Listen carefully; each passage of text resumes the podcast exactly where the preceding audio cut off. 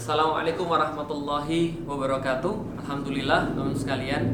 Uh, Masih kita dalam sharing 29 Mei 1453 Remember 1453 uh, Kita sampai pada pembahasan yang lalu bahwa Konstantinopel adalah sebuah kota yang sangat indah Konstantinopel adalah sebuah kota yang sangat hebat Dan kaum muslimin sudah berusaha untuk menaklukkan membebaskan kota itu berkali-kali namun mereka tidak berhasil.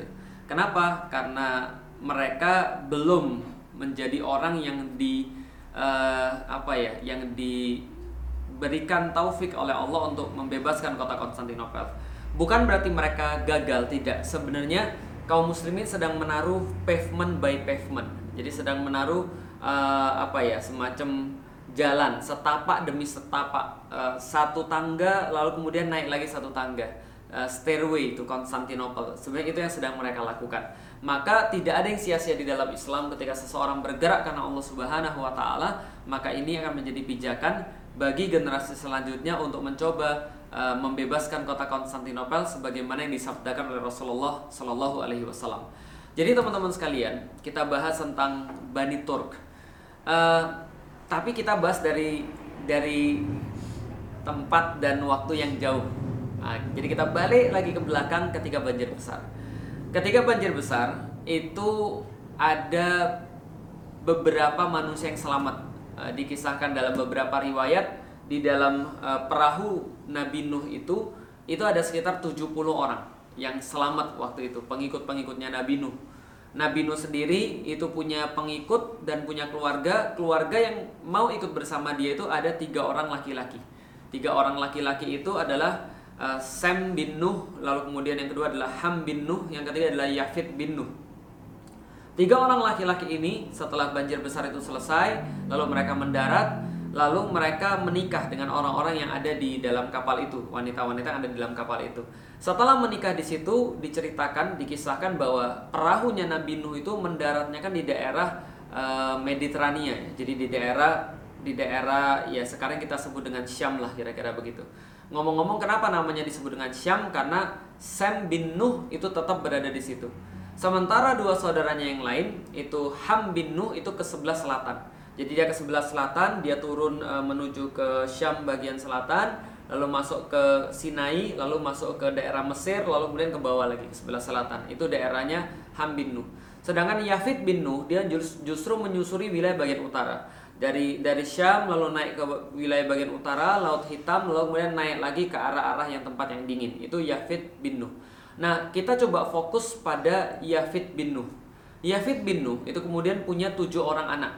Tujuh orang anak uh, salah satu kemudian anaknya lalu kemudian punya lagi tiga orang anak tiga orang anak ini salah satunya itu namanya Togarmah itu nanti melahirkan banyak sekali anak yang salah satunya namanya Ogus ini yang kemudian saya pengen ceritakan secara khusus namanya Bani Ogus Bani Ogus ini asalnya dulu di daerah Cina bagian sebelah uh, sebelah barat jadi bagian paling barat dari Cina kita kenal dengan nama uh, Uighur. Uighur itu adalah salah satu saudara daripada Ogus. Nah, jadi Ogus itu berada di wilayah dekat-dekat sana dan ketika ada uh, invasi daripada orang-orang Mongol, maka Bani Ogus ini mereka harus travel ke sebelah barat untuk menghindari uh, apa namanya? kekejaman Mongol pada saat itu. Mongol ini orang mana lagi? Mongol ini juga sama keturunan Yafid, tapi dari uh, anak yang namanya uh, Ma'juj gitu kan ya, Magog atau Ma'juj. Nah, uh, ketika sepupu mereka ini Mongol ini berkuasa lalu kemudian melakukan invasi besar-besaran di daerah itu yang termasuk yang terusir dari sana adalah Bani Ogus. Bani Ogus ini kemudian terusir ke sebelah barat, di situlah mereka berjumpa dengan uh, kaum muslim. Pertama kali berjumpa kapan? Ketika zamannya Utsman bin Affan. Ketika mereka berjumpa, Utsman bin Affan menerima mereka. Dari situlah Utsman bin Affan menempatkan mereka ke tempat-tempat uh, ujung untuk berjihad di jalan Allah. Berikutnya ketika sudah terjadi perubahan dari uh, dari Khulafaur Rasyidin lalu menjadi uh, khilafah Abbasi, khilafah Umayyah, mohon maaf. Lalu dari khilafah Umayyah ke khilafah Abbasiyah, di sinilah kaum Turki mulai mendapatkan tempat Kenapa? Karena kaum Turki mulai mengabdi kepada uh, Mu'tasim Billah. Mu'tasim Billah memberikan mereka kedudukan demi kedudukan. ditempatkan dalam wilayah-wilayah yang strategis untuk berhadapan dengan khilafah Fatimiyah yang waktu itu dikuasai oleh orang-orang Syiah. Nah, orang-orang Saljuk ini berhasil untuk mengalahkan uh, beberapa kekuasaan daripada khilafah Fatimiyah yang waktu itu disokong oleh Turki Bani Buaihid. Ya, jadi Turki juga tapi Syiah. Maka Turki ini mengalahkan Bani Buaihid dan mereka dipimpin oleh seseorang yang namanya Turul Bey. Turul Bey ini anak daripada uh, bukan anak, cucu daripada Saljuk. Nah, maka dinamakan dengan dinasti Saljuk atau Kesultanan Turki Saljuk. Nah, karena mereka keturunan Saljuk, mereka menghormati orang tuanya, mereka mengatakan kami Turki Saljuk. Turki Saljuk ini diberikan kekuasaan yang besar dan kebebasan yang besar oleh Khilafah Abbasiyah.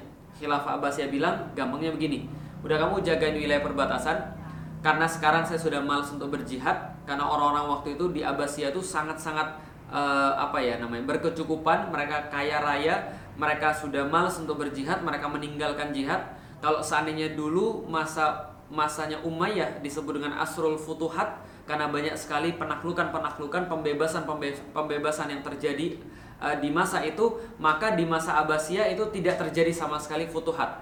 Kalaupun terjadi sangat sedikit sekali.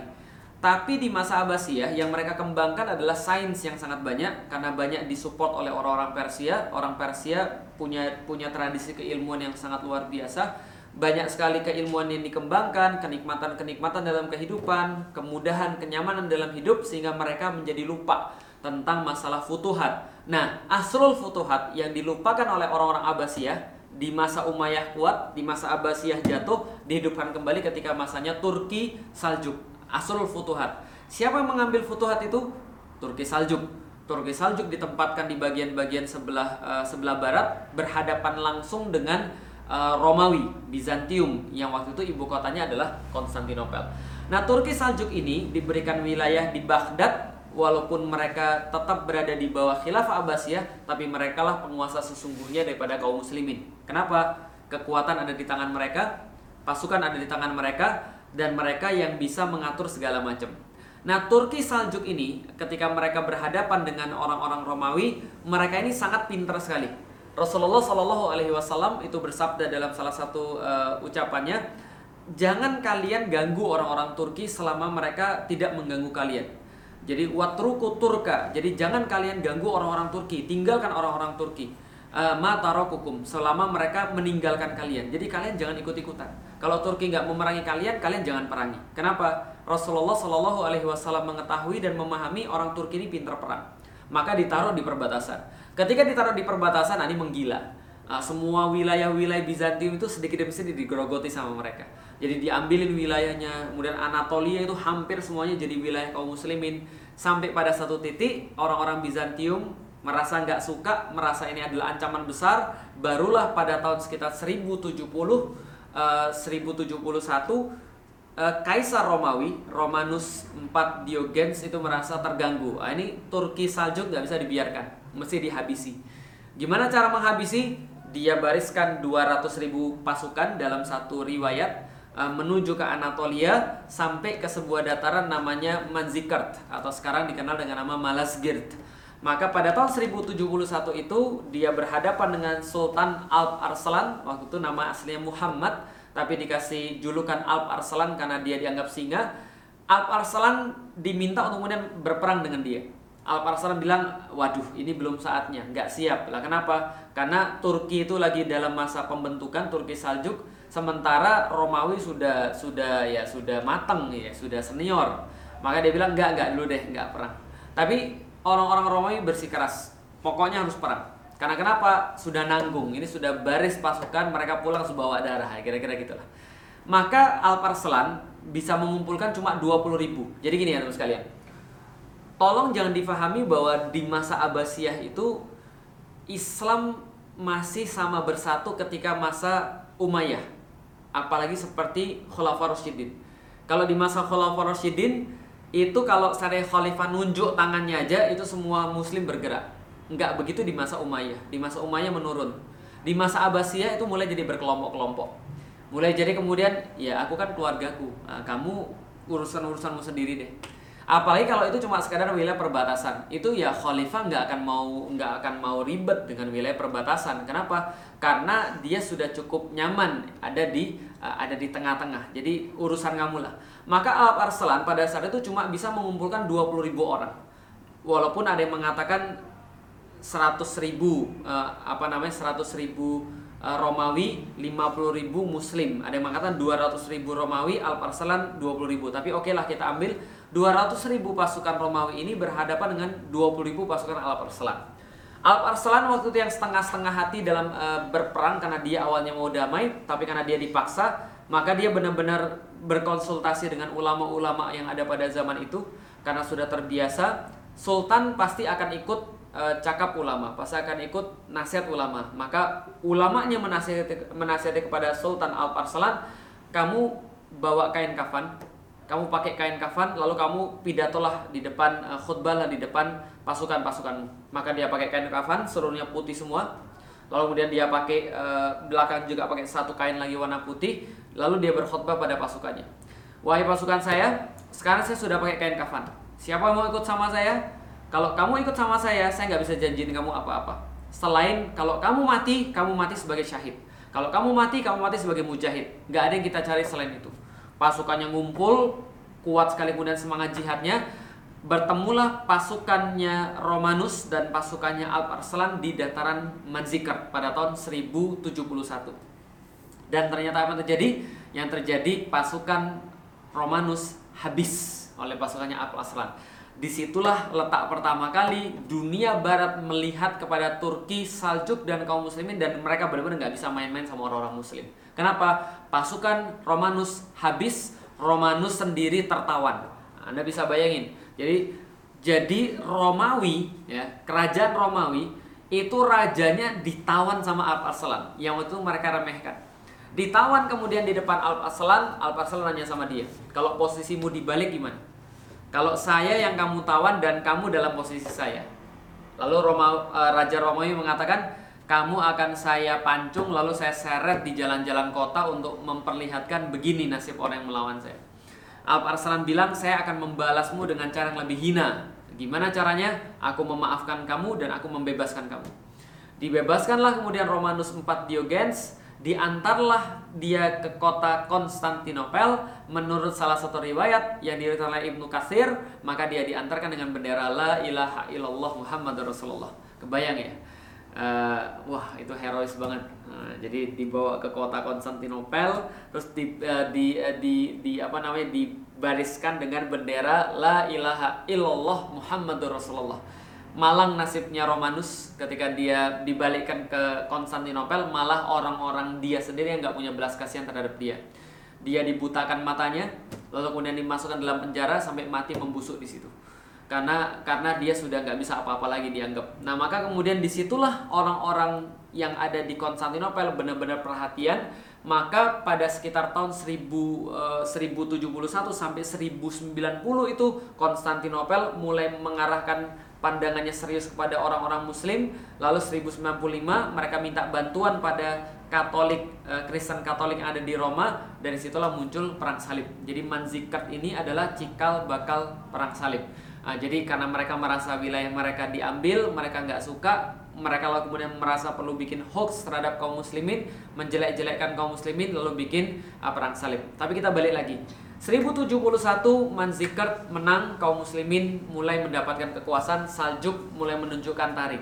Sayangnya setelah Manzikert Al Arslan wafat. Setelah Al Arslan wafat, keturunan-keturunannya nggak bisa lagi menjaga persatuan Islam, nggak bisa lagi menjaga persatuan yang dibuat oleh bapak-bapaknya, kemudian persatuannya mulai pecah. Dan di situlah baru kita kenal setelah 1071 muncul perang salib 1096 lalu kemudian 1096 mereka masuk merangsek ke dalam wilayah kaum muslimin kemudian mereka mendapatkan Yerusalem. Mereka mendapatkan uh, Al-Quds ketika kemudian uh, pada tahun-tahun setelahnya. Setelah kemudian mereka mendapatkan Al-Quds maka muncul di antara keturunan Turki Saljuk orang yang sangat keren. Namanya Nuruddin bin Imaduddin Zanki. Nah Nuruddin bin Imaduddin Zanki ini punya pegawai. Nah, pegawainya namanya Asaduddin Syirkuh sama Najmuddin Ayub, dua bersaudara. Najmuddin Ayub punya anak namanya Yusuf yang nanti kita kenal dengan nama Salahuddin. Nah, Salahuddin menaklukkan kemudian Yerusalem kembali, lalu kemudian berganti situasi politik dari Saljuk menjadi Ayubi. Nah, jadi dari Kesultanan Saljuk menjadi Kesultanan Ayubi. Nah, di masa Kesultanan Ayubi sekaligus Kesultanan Saljuk yang masih ada inilah muncul seorang pahlawan lagi.